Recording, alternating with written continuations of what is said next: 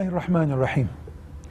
Maliki mezhebinden olmak veya başka bir mezhepten olmak farklı bir Müslümanlık demek değildir. Ümmeti Muhammed'in mezhepleri arasında baştan sona kadar farklı herhangi bir görüş yoktur. Mesela zekat konusunda Maliki mezhebi ile Hanefi mezhebi arasında şu ibadeti, zekat ibadetini, fitriyi yok saydıracak bir mani yoktur. Dolayısıyla Maliki mezhebinden bir Müslümanın Hanefi mezhebine geçip zekat vermesi veya tersinin olması diye bir şey söyleyemeyiz.